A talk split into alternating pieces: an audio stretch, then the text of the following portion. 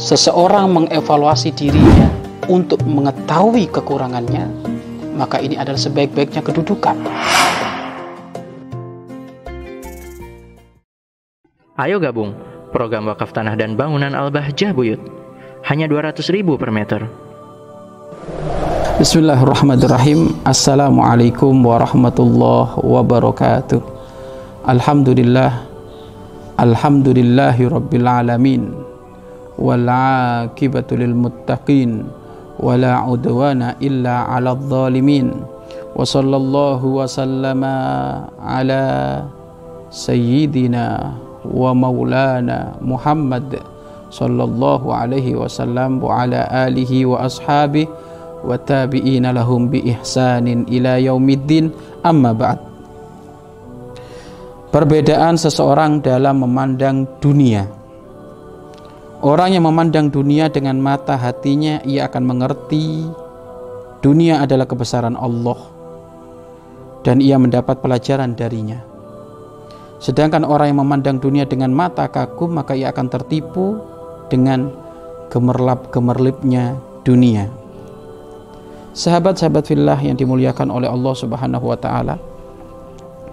Kehidupan kita sebelum kehidupan akhirat, kehidupan dunia. Saat ini kita berpijak di atas tanah dunia, di atas bumi pertiwi ini.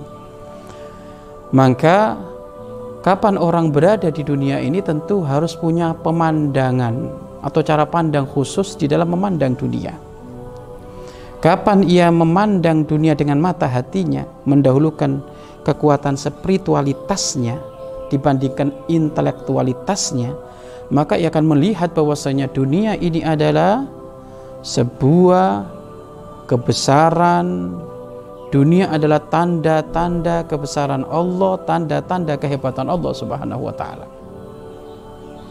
Maka seseorang yang merindukan dirinya sampai kepada Allah, kapan ia menata hatinya, maka sekelilingnya yang ia lewati itu semuanya menggambarkan kepada kebesaran Allah.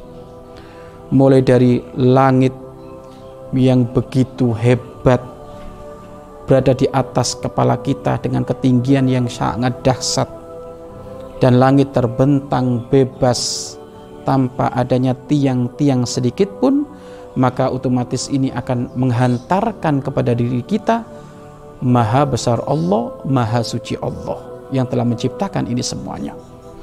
Begitu juga di saat kita melihat gunung yang mereka tertata rapi ada di pojok-pojok dari arah selatan, utara, timur, barat maka lagi-lagi kalau ini kita pandang dengan mata hati kita, maka lagi-lagi kita akan berbicara Allahu Akbar, Subhanallah, Maha besar Allah, Maha suci Allah, Maha segala-galanya Allah di dalam penciptaannya. Begitu mudah Allah menciptakan gunung yang menjulang tinggi mencakar langit seperti itu. Begitu juga di saat kita melihat laut, laut begitu dalamnya seperti itu. Kemudian isi laut dari beberapa binat binatang laut, ikan dan beraneka macam raga, mulai dari yang kecil hingga sampai yang besar. Lagi-lagi ini jika dipandang dengan mata hati kita, spiritualitas kita, maka kita akan memahami Allah Maha Kuasa, Allah Maha Besar, Allah Maha Suci. Akan tapi jika cara pandang itu hanya dipandang dengan intelektualitas kita, otak kita, maka yang ada bagaimana saya melihat langit ini? Kira-kira saya bisa terbang ke sana enggak urusannya bisa terbang. Bisa terbang ke sana enggak kan gitu. Saya melihat gunung begitu bagaimana saya ingin mendaki gunung? Dia hanya urusan-urusan dohir saja yang ia cari bagaimana? Waduh ini laut begitu indah airnya biru. Wah ini kalau dipakai berenang ajib ini. Ikan-ikannya banyak. Wah ini ikannya kalau diambil ditaruh di akuarium ajib. Loh kalau orang memandang hanya pakai otaknya saja seperti itu intelektualitasnya yang didahulukan maka ia hanya hanya hanya sebatas nalar otaknya. Karena cara berpikir otak memang jauh lebih hebat cara berpikir hati karena hati itu yang yang menguasai segala-galanya maka biasakan di saat kau memandang dunia ini, maka pandanglah dengan mata hatimu yang beriman kepada Allah. agar supaya tidak terlewati hal-hal yang di saat kau berjalan melewati dunia ini semuanya kecuali menggambarkan kemahadahsyatan Allah, menggambarkan kemahabesaran Allah Subhanahu wa taala. Bahkan para kekasih Allah yang memang lagi-lagi mengutamakan apa yang ada di dalam hatinya, di saat ada permasalahan pun beliau mengatakan permasalahan ini beliau beliau beliau beliau, beliau, beliau sambut dengan kalimat alhamdulillah. Ada orang para kekasih Allah itu kalau punya permasalahan beliau berkata alhamdulillah ahlan wa sahlan bi syi'ari sholihin. Alhamdulillah segala puji bagi Allah. Telah datang syiar-syiar dari orang-orang soleh. Karena orang soleh itu memang diuji oleh Allah Subhanahu Wa Taala. Loh, inilah orang yang orang yang mengandalkan keimanan kepada Allah di dalam hatinya. Kapan dia diuji oleh Allah, malah mengucapkan Alhamdulillah. Karena ujian ini adalah momen diriku dekat kepada Allah, momen aku semakin banyak ibadah, momen aku banyak banyak berzikir kepada Allah. Maka para kekasih Allah itu di saat sakit senang, malah kalau nggak sakit nggak senang. Kekasih Allah kalau lagi punya permasalahan seneng. Kenapa? Karena kekasih Allah itu tidak ada beda. Mau ada permasalahan, nggak ada permasalahan, hatinya sambung kepada Allah. Spiritualitasnya diutamakan daripada intelektualitasnya. Sehingga para kekasih Allah itu di dalam beliau ibadah kepada Allah itu ya tidak naik turun, stabil. Stabil beliau-beliau. Kenapa kok bisa stabil?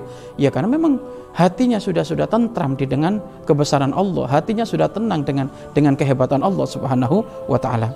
Sahabat-sahabat fillah, ayo pandanglah dunia ini dengan mata hati kita. Dan tentu cara membuka mata hati kita ini memang ada tahapan-tahapan. Cara membuka mata hati kita ini ada tahapan-tahapan. Tahapannya apa? Tahapannya adalah seriuslah engkau di dalam ibadah secara dohir kepada Allah Subhanahu wa taala.